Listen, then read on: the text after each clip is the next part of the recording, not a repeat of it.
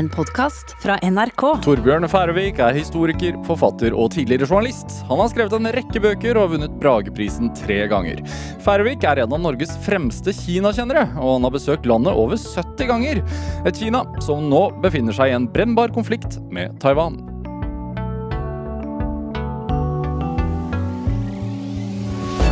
Dette er Drivkraft med Vegard Larsen i NRK P2. Torbjørn Færvik, velkommen til Drivkraft. Ja, tusen takk. Tusen på tusen. Tusen på tusen. Hvordan har du det? Jeg har det fint. Jeg er uh, A-menneske. Jeg liker å stå opp uh, tidlig. Uh, nå er vi jo litt utpå dagen, men det har gått veldig fint. så alt er tipp topp. Ettertraktet mann om dagen? Ja, det skjer jo veldig mye rundt Kina og alt det som har med Kina og Asia å gjøre. Ja. så jeg syns det er veldig spennende å, å leve. Tidvis litt for spennende, kanskje. Når er det for spennende? Det kan jo bli spennende hvis det blir en militær konflikt i Asia. Eh, Men jeg har, ikke, altså jeg har ingen tro på at det blir en kinesisk invasjon eh, av Taiwan. Det kan vi jo komme tilbake til. Mm. Og tror kanskje at faren for det er overdrevet. Men allikevel så er det en veldig spent eh, situasjon. Hvorfor er det overdrevet, syns du? Eh, Fordi Kina er ennå ikke der. Eh, USA er ennå en veldig stor og sterk eh, militær kraft i Asia- og Stillehavsområdet. Og for Kina, det å invadere Taiwan i dag, det vil være altfor mange risikomomenter forbundet med det. Eh, Det vil også bli en veldig kostbar affære eh, materielt sett. og eh, Tusenvis av unge kinesiske soldater eh, vil vende tilbake til fastlandet i kister. Og det vil være veldig ubeleilig for eh, ledelsen i Kina eh, i den situasjonen som landet er i nå, med sviktende økonomi og også en, eh, en viktig partikongress som står for eh, døren nå til høsten. Mm, Hvor, hvor uh, Xi Jinping har vel, som, som jo er, er lederen i dag, har vel rokert om på det at han faktisk kan nå bli gjenvalgt uh, for tredje gang, holdt jeg på å si, eller blir bli bli sittende som leder for en, en tredje periode. Hvordan er det der egentlig? Hvordan, hvordan fungerer det? Jo, det er eh, faktisk slik at uh, Xi Jinping Ja. han kan bli uh, gjenvalgt nå for tredje gang da, til høsten. Ja. Trolig blir denne partikongressen i november, vi vet ikke helt. Men det er jo ikke så lenge til. og hvis han nå begynner å tulle i Taiwan-stredet, så kan han rote det til for seg selv eh, i forbindelse med dette gjenvalget. Han er nå i sin andre termin som partileder, eh, og alt tyder på at han er tiltenkt rollen som eh, partileder for nye fem år. Det er jo en veldig spesiell situasjon for Kina, dette. For Historisk sett så sitter man bare uh, i to terminer, Ja, eller? Normalt så sitter man i to år, men uh, nå snakker vi jo om eh, en mann da, som kanskje er den sterkeste lederen i Kina siden Maos uh, dager. Og han har jo strammet det hele veldig til de siste ti årene. Han eh, kom til makten som partisjef da i 2012. Eh, og året etter så ble han valgt til president. Han er leder for en, denne sentrale militærkommisjonen eh, og mange forskjellige kommisjoner. Så han har samlet da veldig mange tråder i sine hender. Han har all makt eh, på et vis. Og fremstår nå som nokså allmektig. Ja. Hvorfor har han strammet det sånn til? Ja, han var jo et nokså ubeskrevet eh, blad, kan vi godt si, da han eh, overtok. Eh, og i 2012, på den tiden, så var det mange spekulasjoner i internasjonal presse. Hva står egentlig denne Xi Jinping for? Hva trodde du selv? Hva? Hva trodde du selv? Ja, altså, jeg trodde Jeg hadde ikke noe grunnlag for å mene det ene eller det andre, fordi at han hadde jo levd i skyggen av de andre lederne og hadde ikke fått anledning til å eksponere seg. Eh, Men plutselig så var han da partisjef, og mange lurte på hva blir det til nå? Eh, Blir det liberalisering? Blir det det samme, eller blir det en tilstramning? Eh, I dag så vet vi jo da at det har vært en veldig tilstramning i dette landet, politisk sett. Og nå tar han også i bruk helt nye metoder for å kontrollere folket sitt og partiet. Eh, nemlig ny teknologi i form av eh, ja, overvåkning på et nivå som vi aldri har sett før. Altså individovervåkning? Ja, det er jo ansiktsgjenkjenning, eh, pupilledata, alle de nye tingene som kommer nå. Mm. Vi hadde jo Altså, det er helt ekstremt, det som skjer da. Eh, vi hadde en uh, historien forleden hvor det var en ettersøkt forbryter da, som klarte å snike seg inn på en fotballkamp i denne byen Wuhan, som vi nå kjenner til. Eh, og det var 40 000 mennesker som kom. Eh, og alle måtte gå gjennom telleapparatene. Eh, og denne karen gjorde også det.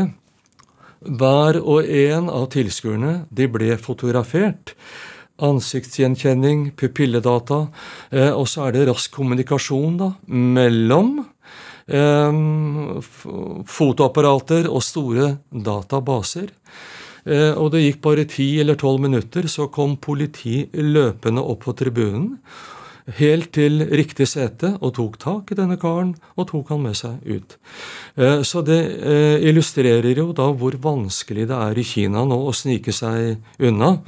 Og som det sto i Folkets Dagblad da, i forbindelse med denne saken, det sto om denne ettersøkte forbryteren som ble tatt, og han ble meget forundret Eh, og det kan man godt forstå, at han ble meget forundret. Hva tenker du om et sånt system? Altså, de, de, får, ja. de fanget jo en kriminell, holdt jeg på å si. Ja, det er helt forferdelig, fordi det rammer alle og enhver, kan vi godt si, eh, under dagens forhold. Eh, å starte en opposisjon i Kina mm. i det små. Det starter jo gjerne i det små. Én eller to eller tre personer kommer sammen. Og så får man en snøball til å rulle. Men eh, det blir stadig vanskeligere i Kina, slik som vi ser det nå. Det går kanskje an å nevne i den forbindelse at dagens kommunistparti, som har eksistert da i mer enn 100 år, det ble grunnlagt i 1921 på den måten at et lite antall eh, personer, 12 eller 13 personer, de klarte å holde et møte i all hemmelighet. Eh, det var slik det hele begynte. Ja, men i dag så er det veldig vanskelig. Mm. Så da vil, da vil politiet komme raskt inn eh, døra. Ja, Det er det du mener med at han har strammet det litt til? Ja. Eh, og dette er jo bare begynnelsen på det hele. Altså ny teknologi eh, kan jo brukes til så mye, og til mye godt også. Men i dag så ser vi da at eh, den nye Når ny teknologi eh, stilles til tjeneste for et autoritært styre, eller et totalitært styre, mm. som vi bør kalle det kinesiske, ja, men da kan uh, forferdelige ting skje. Er det i det hele tatt mulig å stille spørsmålstegn? Som, Ved, som kineser i Kina i dag? Uh, du, ja, altså du kan Altså, Det er jo lov å kritisere myndighetene så lenge du ikke stiller uh, spørsmålstegn ved Eh, sosialismens fortreffelighet og selve systemet. Hva vil det hvis, ta? Hvordan, du, hvordan, er det? Hvordan? Hvis du går inn i en nærgående kritikk av partiledere og partipamper, ja. da er du plutselig i faresonen. Men det er fullt mulig å sitte på bussen i Kina og si at eh, jeg er misfornøyd med lønna mi, eller jeg er misfornøyd med forgiftning og miljøproblemer, alle mulige ting. Og også skrive innlegg om det på eh, nettet. Mm. Men du må ikke bli for nærgående. Færvik, du, vet, altså du, du, liker å kalle deg, kalle deg Kina-kjenner, ikke Kina-ekspert. Hvorfor det? Ja, um, altså jeg, jeg, liker ikke å kalle meg ekspert. Altså, man kan godt si at, La meg si at du har 100 eksperter på Kina, og, alle, og, de mener 100 forskjellige ting. Hvem av dem er da eksperten? Altså Kina, Asia, det er ikke matematikk eller kjemi eller eh, fysikk. Altså, det står ikke 'er lik' foran svaret. Eh, og det er jo nettopp det som gjør det så spennende å være til og diskutere. Eh, det vil alltid være rom for ulike meninger. Dette er Drivkraft med Vegard Larsen i NRK P2. Og i dag er historiker og forfatter Torbjørn Færøvik her hos meg i Drivkraft på NRK P2. Hva, hva var ditt første møte med Kina? Når dro du dit? Ja, det var i 1974. Eh, det hele begynte jo eh, i og for seg da at altså, eh, Den gangen jeg gikk på videregående, eller gymnas som vi sa i gamle dager, jeg var veldig interessert i historie. Mer enn gjennomsnittet interessert i historie. Hvorfor det, tror du? Ja, altså, det vet jeg ikke. Eh, men eh, den gangen vi skulle lære verdenshistorie På grunnskolen? Men verdenshistorie den gangen, det var europeisk historie, og så var det litt nordamerikansk historie. Ja, Det er mulig jeg var en plageånd i historietimene fordi jeg rakk opp hånden og spurte eh, læreren unnskyld, men hva var det som skjedde i Afrika eller i Kina eller i Latin-Amerika? Hvor i landet var dette her? Eh, det var på Øv i Øvre Eiker, Hokksund gymnas. Hokksund, the station of the stars. Eh, så jeg gikk eh, på gymnas eh, der. Og eh, jeg ble veldig interessert. Ja, men hva er det som skjer? Er det ikke sammenhenger her? Så jeg husker at uh, i en fase etterpå så uh, Hver gang jeg så en artikkel om Afrika i avisen Jeg pleide å klippe ut den, satte et nummer på og en dato. Og så limte jeg denne artikkelen inn i artiklene inn i en perm. Til slutt så hadde jeg veldig mange permer. Ja. Uh, og så kom jeg da på Eh, universitetet i 1969-70, og der fikk jeg se Oi, ja, men her går det an å studere afrikansk historie. Eh, så jeg tok da det som den gangen ble kalt et mellomfag i afrikansk historie. Ja. Eh, og da jeg var ferdig med det, så eh, tenkte jeg at ja, men Kina må jo være veldig spennende. Og den gangen så var det veldig mye snakk om Kina. Eh, så eh, det endte med at jeg tok et hovedfag i kinesisk historie. Eh, og det var vel i 1974 jeg dro av gårde til Kina første gangen. Med tog fra tog. Oslo Ø, som det het da. ja. Oslo Ø. Eh, til Stockholm. Med båt over til Åbo i Finland. Eh, med tog videre, og på den tiende dagen da rullet toget inn på jernbanestasjonen i Beijing. Ja. Hva, hvordan var det? Beskriv ja, det, møtet. Det var som å komme til en helt annen verden. Fordi den gangen eh, altså det, I dag så er jo Beijing en skyskraperby. Men den gangen, altså de kinesiske eh, kommunistene, de, vært, de var så fattige. Mm. De hadde ikke rukket eller klart å gjøre noe særlig med byen. Så den var veldig grå, lavmælt, kjedelig. Eh, vi kan si at det eneste som lyste opp der, det var jo disse bannerne, da. Lenge leve formann Mao, død over USA-imperialismen osv. Alle disse tingene, slagordene, mm. som preget Kina eh, den gangen. Ble du forelsket? Nei, jeg kan ikke si at Men jeg ble veldig opptatt av Kina fordi jeg hadde vel det synet eh, den gangen som mange hadde at dette var et vellykket uh, u-land. Jeg så på det som et vellykket u-land. Uh, den gangen vi ble jo tatt uh, rundt av guider, leid i hånden og fortalt det og det og det. og det hele virket veldig tilforlatelig og greit. Men var du en del av den, altså du, si, de intellektuelle i Norge som tilhørte en venstreside, som, som syntes at Kina var et Eh, interessant, en interessant nasjon på vei opp, og at man tenkte at her, ja, det, det, det, som skjer her, er forbilledlig på et vis? Eller? Ikke forbilledlig, men jeg, jeg, tror jeg så på Kina som et eh, u-land som i motsetning til mange andre u-land hadde klart å utrydde mye fattigdom. Hadde klart å skape et nokså egalitært samfunn. Eh, og de hadde klart mye på helseområdet, skole, alle disse tingene. Mm. Men det som bød meg imot ganske tidlig, det var denne persondyrkelsen. Eh, man kunne jo ikke gå et eh, steg uten å få Mao dyttet eh, inn over alt. Så etter hvert så fikk jeg det hele i vrangstrupen. Og formann Maos Lille Røde, f.eks., var jo det ble jo sitert fra den overalt hvor man gikk. Formann Maos Lille Røde. Den boken ble trykket i 720 millioner eksemplarer i Kina i en periode da fra 1964 og fram til 1968.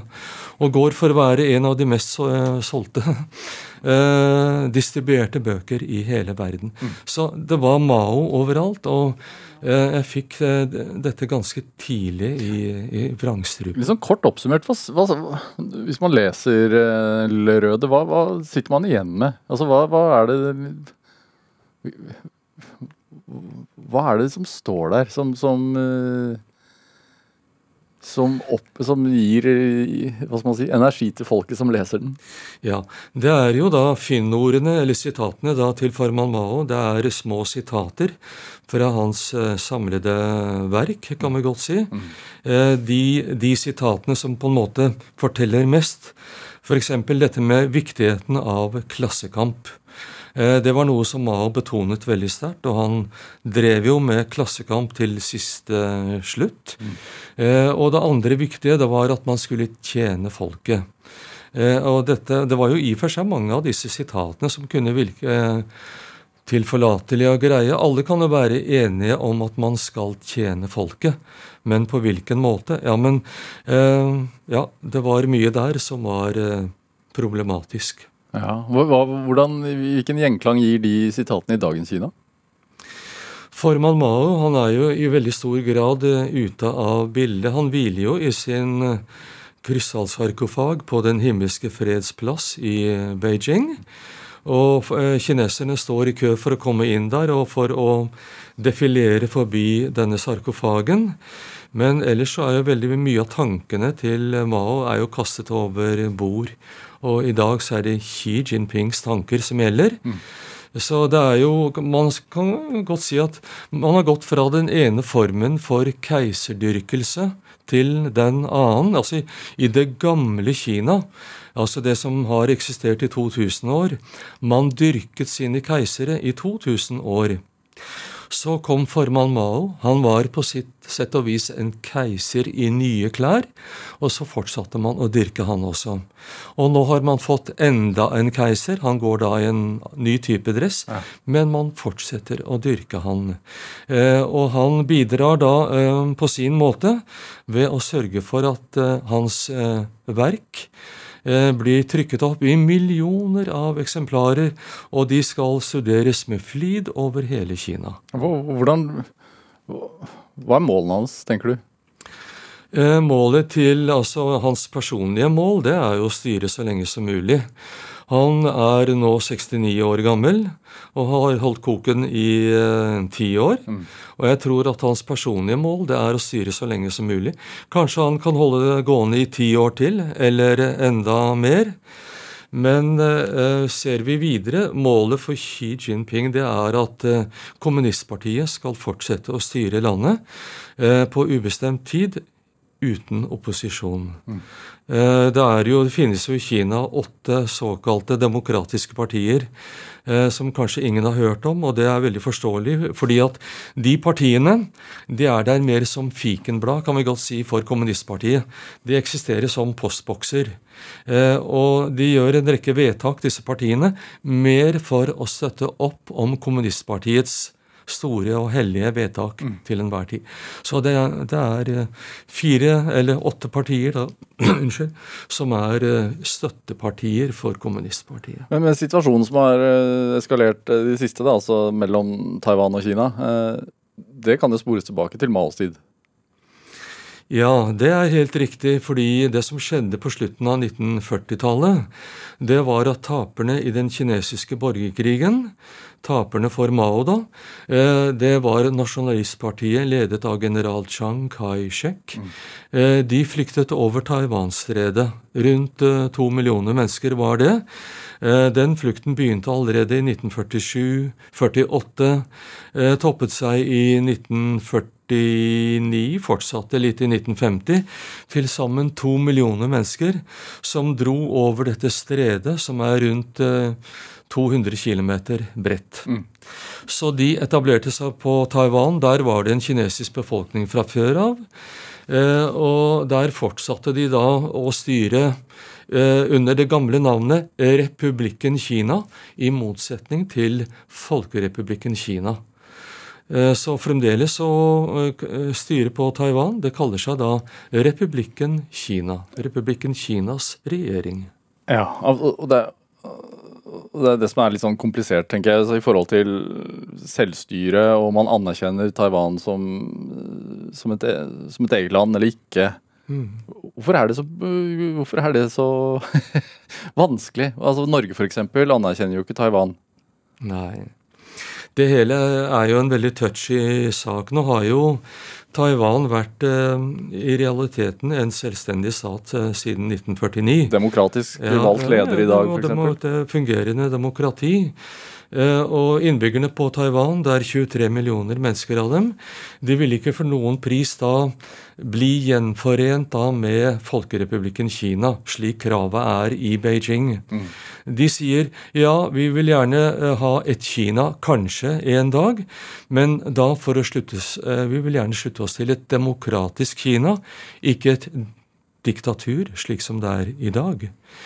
Så der står uh, saken, og tiden går. Dette er jo prosesser, uh, men uh, man, det er veldig lett å forstå at innbyggerne på Taiwan står imot da, i denne situasjonen og nødig vil bli en del av Folkerepublikken Kina. Mm. og kanskje da må settes på skolebenken for å studere Xi Jinpings tanker. Ja. Det er jo en skremmende et skremmende scenario for dem. Omskoleres? Omskoleres, rett og slett, ja. ja. Det, har du vært i Taiwan? Ja, jeg har vært der uh, flere ganger. Um, og nå er det en stund siden. Jeg har også vært uh, reist rundt på øya. Dette er jo en øy som det er um, vanskelig å invadere. Topografien er veldig vanskelig. Det er mye fjell og åser der, særlig midt på øya. Uh, og så er det jo lange strender, men det er ikke så veldig mange områder på øya som egner seg for en invasjon. Og der har taiwanerne de har rullet ut piggtråd så det monner, og satt opp store, spisse stål- og jernstaker på disse strendene. Uh, og Taiwan er rustet til tennene med våpen fra USA og fra andre. Eh, så det å ta Taiwan, det er ingen lett sak. Eh, eh, og det vil koste veldig mye. Det er jo, altså Kina er jo i ferd med å bygge verdens mektigste flåte. Men, men så er jo kysten deres da blokkert, for å si det sånn, altså ved, ved Japan, Taiwan, Filippinene, Vietnam og Indonesia. Alle ganske sånn USA-vennlige. Mm. Um, kan du forstå at Kina føler seg litt sånn låst og kontrollert? Ja, altså den amerikanske vi kan si, den amerikanske stillehavsflåten den er veldig stor. Eh, med base i Honolulu på Hawaii. altså eh, USAs stillehavsflåte det er 250 000 mann. Eh, utstyrt da med de mest moderne våpen, selvfølgelig. Og så er det da fremskutte baser på eh, Okinawa i Japan. Guam i Mikronesia. Eh, i Sør-Korea. Um, Filippinene er litt sånn so, so and so nå for tiden. Mm. Uh, men uh, der hadde amerikanerne baser før. Uh, og så har vi da den syvende amerikanske flåten, som hele tiden patruljerer Taiwan-stredet og disse omstridte farvannene i Sør-Kina-havet. Eh, så en kan jo godt forstå, at, altså sett fra kinesisk side, at de føler at USA er vel nærgående i disse farvannene. På den annen side så hevder jo da USA, og også for så vidt da har jo folkeretten på sin side, at dette er internasjonalt farvann. Vi snakker om internasjonalt farvann. Mm. Uh, og uh, det internasjonale farvannet det er jo egentlig for uh, alle. Så det er det amerikanske argumentet. Hvordan bør vi se på det som, med, med, som vestlig alliert? Bør, vi, bør vi være glad for den blokaden som ligger der? Altså, Det går an å se på et og samme problem fra mange forskjellige synsvinkler. Mm. Løfter du en sten opp fra bakken, så kan du ta den i handa og se på den. Og du må snu på den og se på den fra forskjellige synsvinkler. Um, I dag så er det sånn at Kina reiser seg som en stor og mektig totalitær kraft i, i verden. Ja. Eh, og eh, jeg ser det på den måten at altså under normale forhold sett at det var Altså, vi skal ønske Kina velkommen på den store eh, internasjonale scenen. Men det Kina som vi ønsker velkommen, det skal være tolerant og åpent og vennligsinnet, og helst et demokratisk Kina. Og ikke det Kina som vi ser i dag, eh, som eh, som tar ensidige skritt, og som viser tilbøyelighet, altså som er et veldig intolerant eh, land. Eh, og et eksempel er jo da det som nå skjer i Sør-Kina-havet. Eh, det er et stort havområde, og de kinesiske lederne de satt sammen i sine lukkede omgivelser i Beijing. Og så ble de enige om, for mange år siden Vi sier til resten av verden at så å si hele Sør-Kina-havet, det er kinesisk territorium. Normalt, hvis du skal endre grenser, så vil du gå inn i samtaler, dialog, med de berørte partene. I dette tilfellet Japan, Filippinene, um, Vietnam ja, Mange av disse landene. Du vil gå i samtaler med dem. Men der gjør de bare ensidige vedtak. Og Filippinene ble jo rasende og brakte da denne saken inn for en eh, tvistedomstol i Haag. Eh, og denne tvistedomstolen i Haag brukte ett år på å se på saken. Og den eh, fattet da et vedtak og sa Beklager, Kina. Beklager. Dere har ikke rett på ett eneste punkt. Hvis dere skal endre grensene i Sør-Kina-havet, så må dere gå i dialog med de berørte partene, og dere må følge havretten og folkeretten. Men da sa Kina til domstolen i Haag ja, men vi ser på denne domstolen som en reaksjonær domstol. Så det er ikke den type Kina vi skal ønske velkommen på den internasjonale scenen. Vi, er, eh, vi skal ønske Kina velkommen, men det må være et annet Kina. Mm. Og det er slik jeg ser det. Ble du overrasket over at Nancy Pelosi, også som er spiker i Representantenes hus i USA, svært mektig, mektig politiker i USA, da valgte å reise dit? Ja, på sett og vis så ble jeg overrasket over det, fordi at det var det samme som å være bære ved til bålet, kan vi godt si. Det er jo, har jo fra før av vært en veldig spent eh, situasjon i Taiwan-stredet. Uh, og det som vi ser nå som et resultat av dette besøket, det er at spenningen nå er der fremdeles, men på et litt høyere nivå. Og Det betyr også at risikoen da for militære sammenstøt og konflikter mm. er blitt enda større. Men vi får jo se nå da om det roer seg litt etter hvert. Nå ser jeg at nå er det en ny amerikansk delegasjon som er kommet til Taipei. Og det er fem kongressrepresentanter, fire demokrater, én republikaner. Uh, og ja, i det hele tatt. Så USA vil gjerne vise sin støtte til dette regimet på Taiwan, da, som, som, føler at det nå blir mer og mer isolert. Og Taiwan har jo i dag bare eh, diplomatiske forbindelser med 15 land. Mm. Det er ikke veldig mange land igjen. Nei, men USA anerkjenner jo heller ikke Taiwan som selvstendig stat. Gjør ikke det. Hvorfor gjør man ikke det? Man, altså, hvorfor gjør ikke Norge det, f.eks.? Hva er man redd for? Ja, Det som skjedde i 1972, det var at eh, president eh, Nixon reiste til eh, USA og møtte Forman Mao. Det var jo et historisk besøk. Fordi USA hadde i alle år da hatt diplomatiske forbindelser med Taiwan. Så reiste da president Nixon til Kina i 72. Og det besøket da, det la grunnlaget for et skifte i amerikansk eh, politikk. Mm. Eh, det, men det kom ikke før i 1979, altså sju år senere.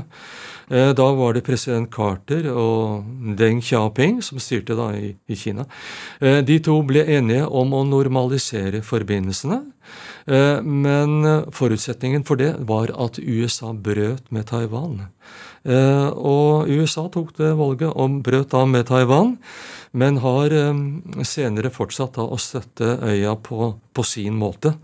Økonomisk, med handel, ekspertise, eh, våpen, mm. slike ting. Og Biden nå som senest har sagt at de vil eh, forsvare Taiwan ved et eventuelt angrep?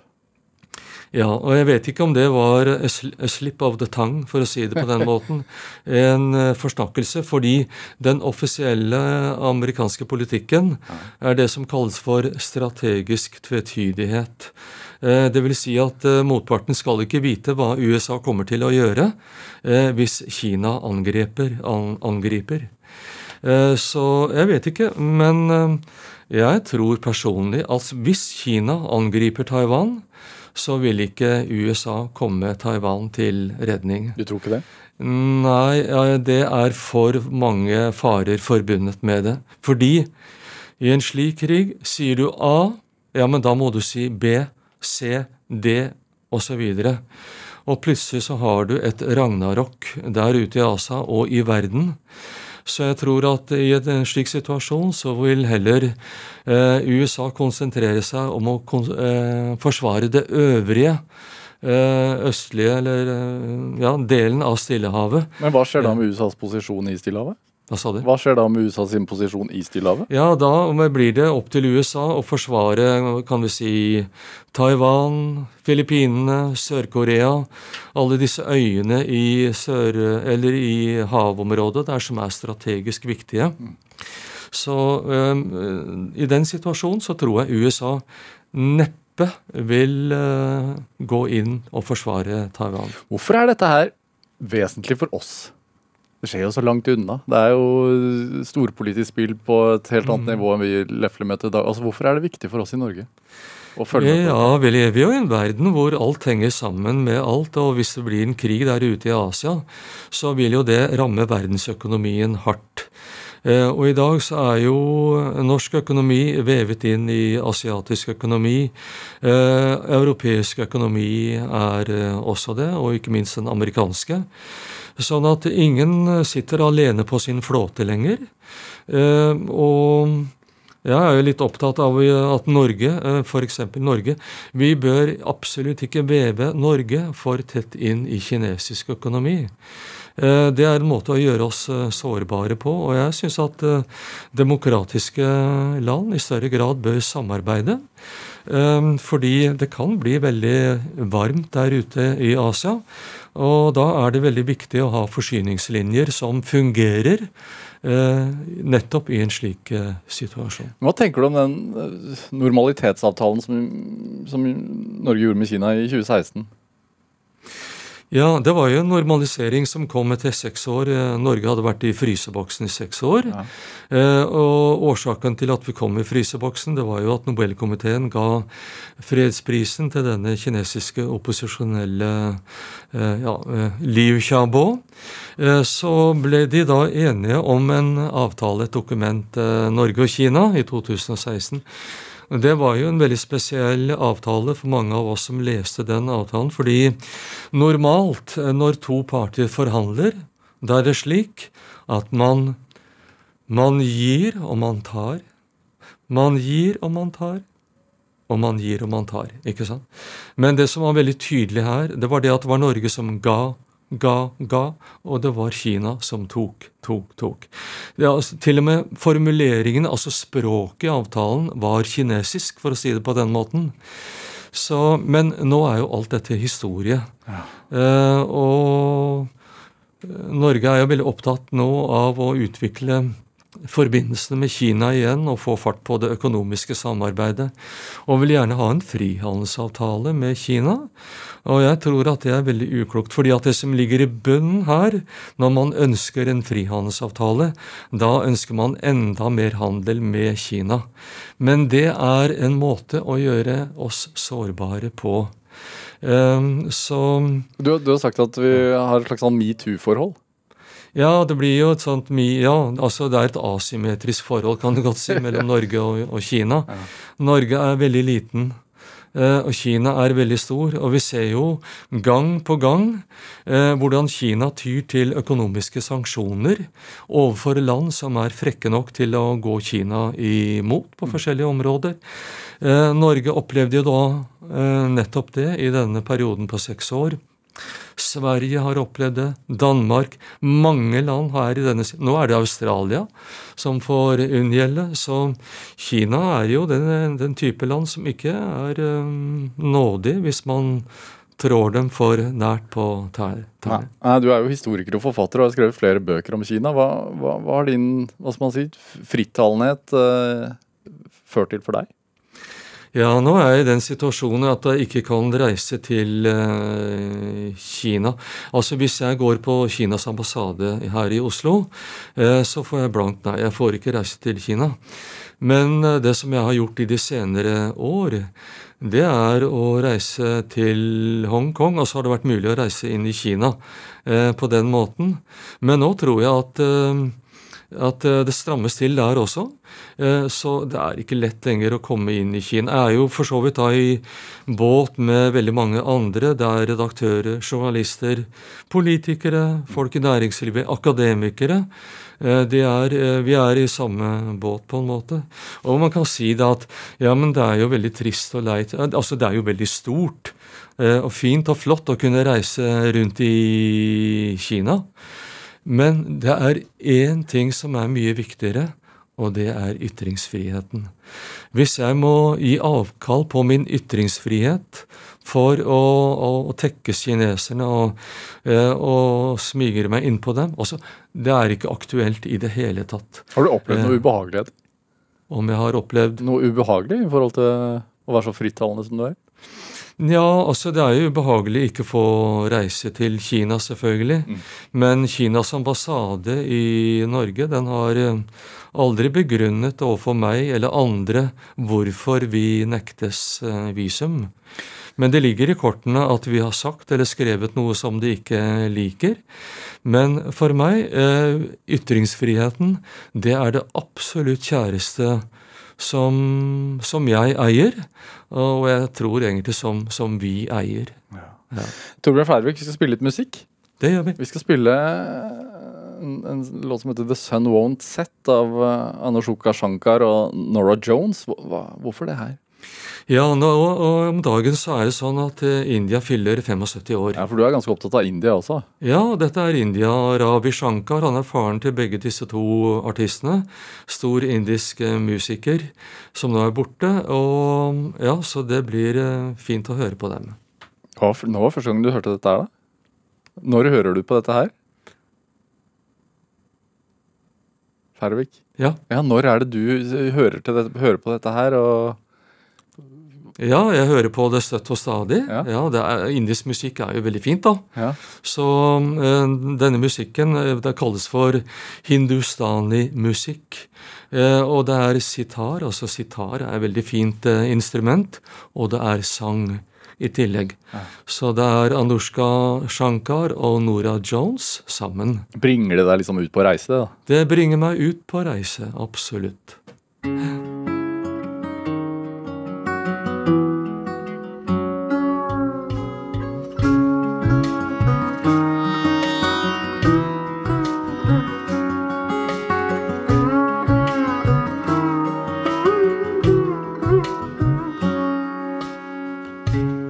the sun.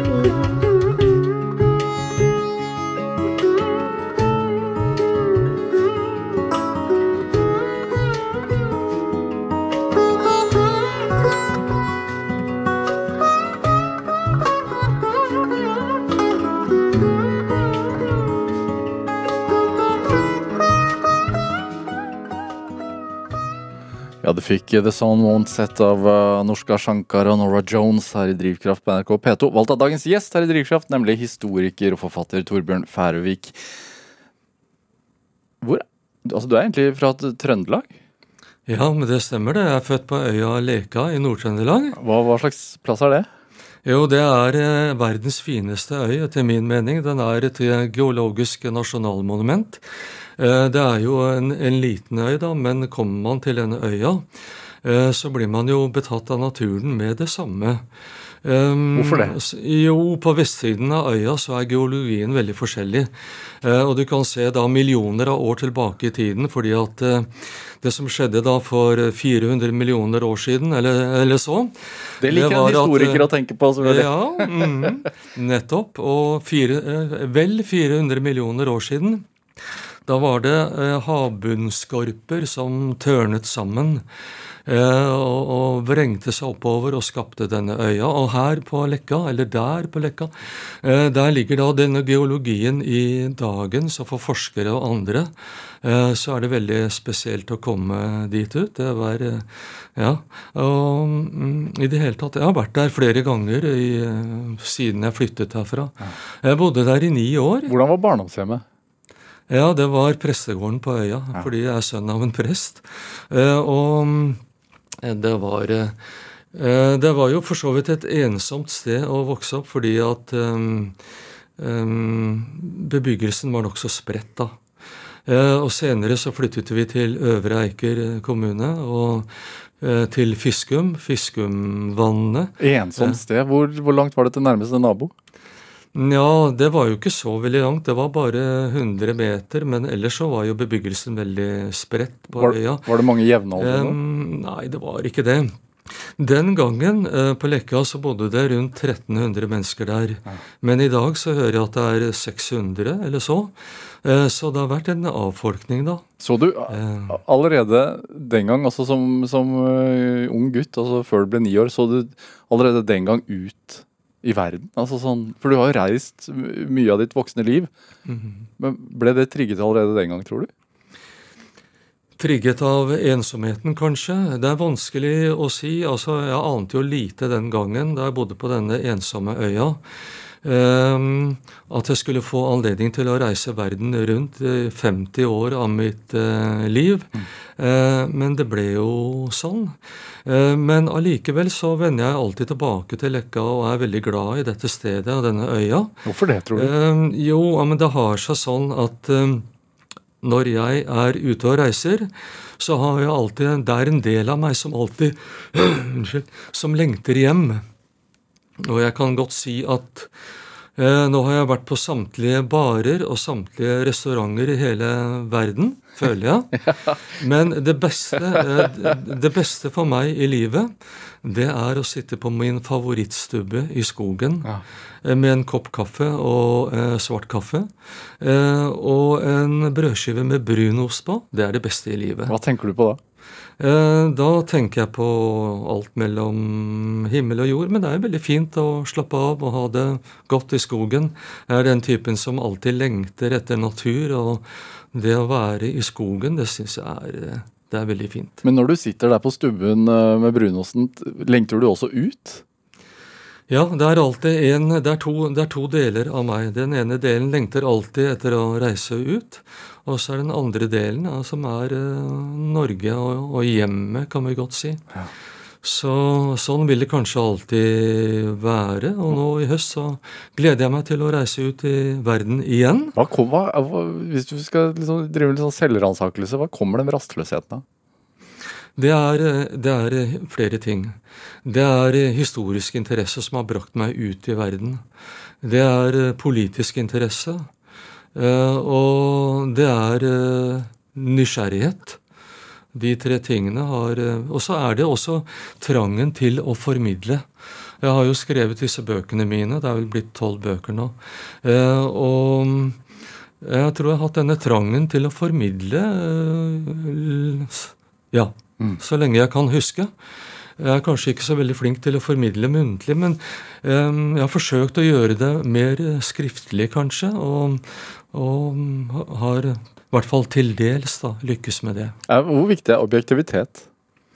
Objektivitet er jo veldig viktig. Det kommer litt an på hvilken type, hvilken sjanger du er i.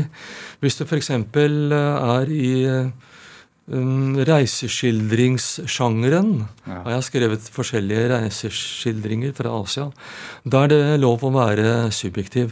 Det er lov å være sur på tur, glad på tur, sinna på tur osv. Hva gjør deg sur på tur? Det kan være mange ting. Ja. Lange køer. For eksempel. Det kan være Hvor er de beste barene? Du sa du hadde besøkt alle verdens barer, følte du ja, som? Ja, jeg føler at jeg har vært på alle barer og alle restauranter. Hvor er de best? Bortsett fra den i skogen? Um, nei, du, det, det, det, vet jeg ikke. Jeg har ingen favorittsteder sånn sett. Heller ingen favorittland i Asia. Eh, fordi alle disse landene de har jo sine særtrekk, kan du si, på, på godt og vondt. Så, så, Siden vi begynte å snakke om Kina, og siden du har skrevet mye om Kina, hva, hva er det beste ved Kina? da? Det beste ved Kina, eh, etter mitt syn altså Kina er for meg et stort eh, historisk museum. I tillegg så møter jeg da veldig mange menneske, vennlige mennesker når jeg reiser rundt i Kina. Og det er jo mye lettere i dag å få kontakt med kineserne nå enn før. fordi før så fikk du da offisielle guider som leide deg rundt fra sted til sted. Eh, nå, du, nå er det veldig mange kinesere som også snakker litt eh, engelsk, og som er veldig kont eh, kontaktsøkende. Så eh, det er blitt mye hyggeligere å reise rundt i Kina enn før, sånn sett. Men fremdeles så er det jo veldig store språklige barrierer. Er det? Kina, altså det er 1,4 milliarder mennesker, er det ikke noe sånt? Det er det, og det som skjer nå, det er jo at eh, nå har eh, sannsynligvis Kina da nådd en befolkningstopp. Og Det som kommer til å skje nå i årene fremover, det er at folketallet i dette store landet vil falle, samtidig som befolkningen i India vil øke, øke og øke. Så eh, ekspertene sier at om ett eller to år fra nå, så vil da disse to landene komme til dette berømte skjæringspunktet. Ja. Eh, og da vil India gå ifra, mens India vil sakke akterut. Ja, Kina sånn vil sakke. Ja, Kina. Ja. Eh, så dette er jo en kilde til bekymring i ledelsen i Beijing. Eh, og nå har jo da kinesiske demografer begynt å diskutere hva kommer til å skje nå. Um, altså um, Mye tyder på at uh, folketallet i Kina det vil falle ganske dramatisk i årene som kommer. Og det kommer til å skje samtidig med at landet får stadig flere eldre mennesker. Eh, vi snakker om den hvite bølge som nå feier over landet. Det blir stadig flere mennesker med grått hår og alt dette. I dag så har Kina 250 millioner mennesker over 60 år. Eh, om 30 år fra nå så vil det være 450 millioner over 60 år. Og antallet yrkesaktive, sånn, eh, eller andelen yrkesaktive relativt sett, den vil synke, synke og synke. Eh, og dette faktum det vil gjøre Kina mindre konkurransedyktig i årene som kommer. Mm. Så det er selvfølgelig en kilde til bekymring. Hvorfor er det det? Ja, når eh, det blir færre yrkesaktive i Kina, da vil arbeidskraften bli dyrere. Når arbeidskraften blir dyrere, da blir varene dyrere. Eh, og det blir vanskeligere å selge. Og Kina har jo i veldig stor grad basert seg på sitt eksportmirakel, kan vi godt si. Eh, og det er ikke gitt at det mirakelet vil eh, vare ved. Og da er det kanskje andre land som ligger i startgropa, og som er rede til å overta noe av Kinas rolle.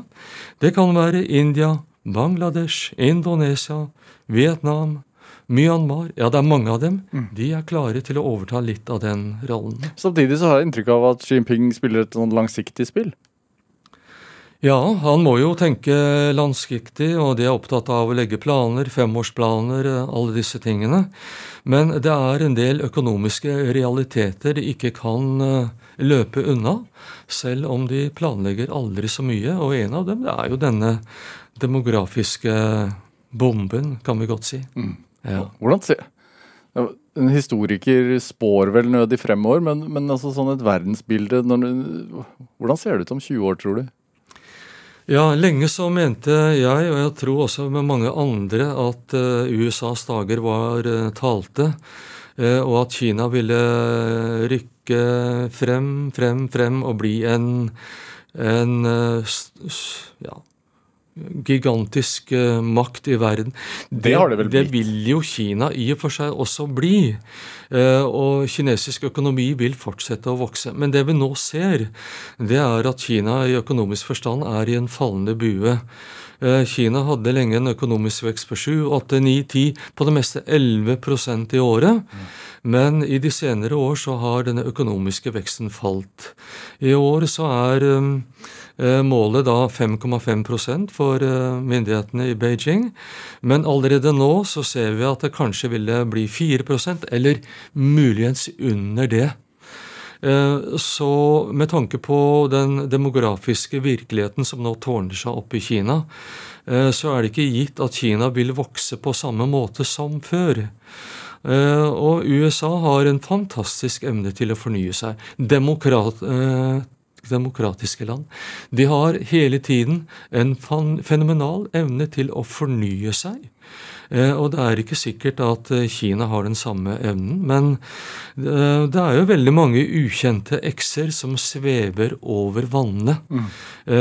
Og det er jo det som også gjør det så veldig vanskelig å spå, selvfølgelig. det er jo, fremtiden. Eh, når jeg leser eh, bøkene dine, så beskriver du hvor mange sykler du så i, i, da du ankom jernbanestasjonen eh, for første gang.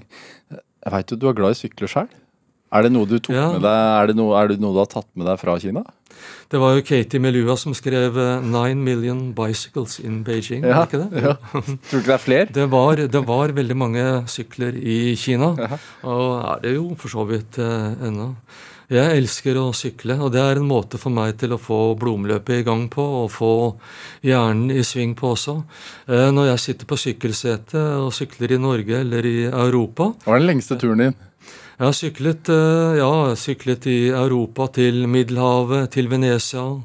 Um, og har hatt veldig stor glede av eh, disse sykkelturene mine og forsøker å holde meg i god form da, på, på den måten. Ja. I år er det dessverre ikke blitt så veldig mye sykling, men, men eh, jeg skal ta igjen litt av det tapte utover høsten. sånn, sånn, uh, rent sånn geopolitisk altså, hva, hva?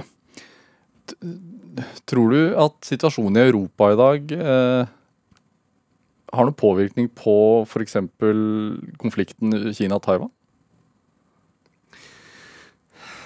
Nei, det tror jeg egentlig ikke. Dette er en sak i første rekke mellom, eh, mellom Kina og USA. Mellom Kina og USA. Det er de to som er eh, hovedaktørene der. Mm. EU og Europa vil følge dette på avstand, og nå har jo Europa mer enn nok med det som skjer i Ukraina og forholdet til Russland. Og i og for seg, Nå lærer jo da Kina ved å følge utviklingen i Ukraina. Da får også Kina en lærepenge i den forstand at de ser hvor vanskelig det er å invadere et annet land. Mm. Eh, og eh, Kina har også sett da hvordan hele verden i, så å si er kommet av Ukraina til unnsetning, med våpen og rådgivere og alt som er. Eh, og ja, så det, det, har gitt eh, selvfølgelig de kinesiske lederne second thoughts. Eh, så jeg tror ikke det er veldig fristende for dem i dag eh, å gå til invasjon av Taiwan, og kanskje heller ikke senere. Men Kina har jo et, en kombinasjon av andre måter de kan gjøre tingene på overfor Taiwan. De kan ta i bruk diplomatisk press, politisk press, økonomiske sanksjoner, vedvarende militært press. Og samlet sett over tid mm. så kan da dette presset bli så massivt eh, at eh, regimet på Taiwan eh, tvinges til forhandlingsbordet. Det er en mulighet. Mm. Men Kina har fremdeles god tid. Det, det, tror jeg. Hvorfor har nasjoner ønske om å bli globale supermakter? Ja, Kina har selvfølgelig et ønske om å ta igjen det tapte og bli en stormakt i verden. Så kan man selvfølgelig diskutere hva er Kinas langsiktige mål. Uh, vi vet ikke. Vi vet egentlig ikke. Og det er det som gjør det også veldig problematisk, fordi um, Altså Kina, det kinesiske systemet, det er ikke transparent. Du kan ikke se inn i Kina. Du kan ikke se inn på desken til Xi Jinping.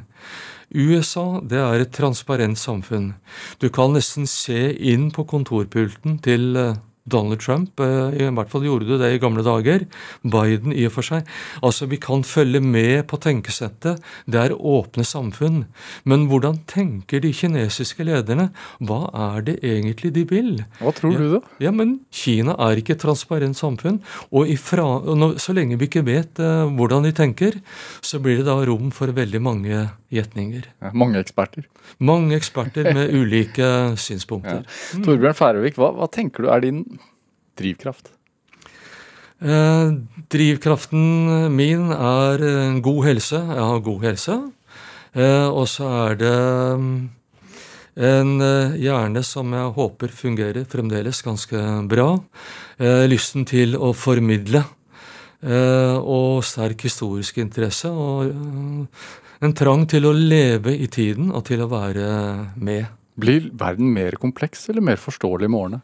Den blir for meg stadig vanskeligere å forstå. og Det sies jo at man vet mindre jo lengre man lever, og jeg føler det ofte sånn. ja. Det får bli siste ordet i dag. Torbjørn Færvik, tusen takk for at du kom til Drivkraft. Takk for det. Hør flere samtaler i Drivkraft på nrk.no eller i appen NRK Radio. Send oss gjerne ris og ros og tips til mennesker som du mener har drivkraft. Send en e-posten til drivkraft.krøllalfa.nrk.no. Vi hører gjerne fra deg. Produsent og researcher i dag var Ellen Foss Sørensen. Dette var Drivkraft. Jeg heter Vegard Larsen. Vi høres. Du har hørt en podkast fra NRK.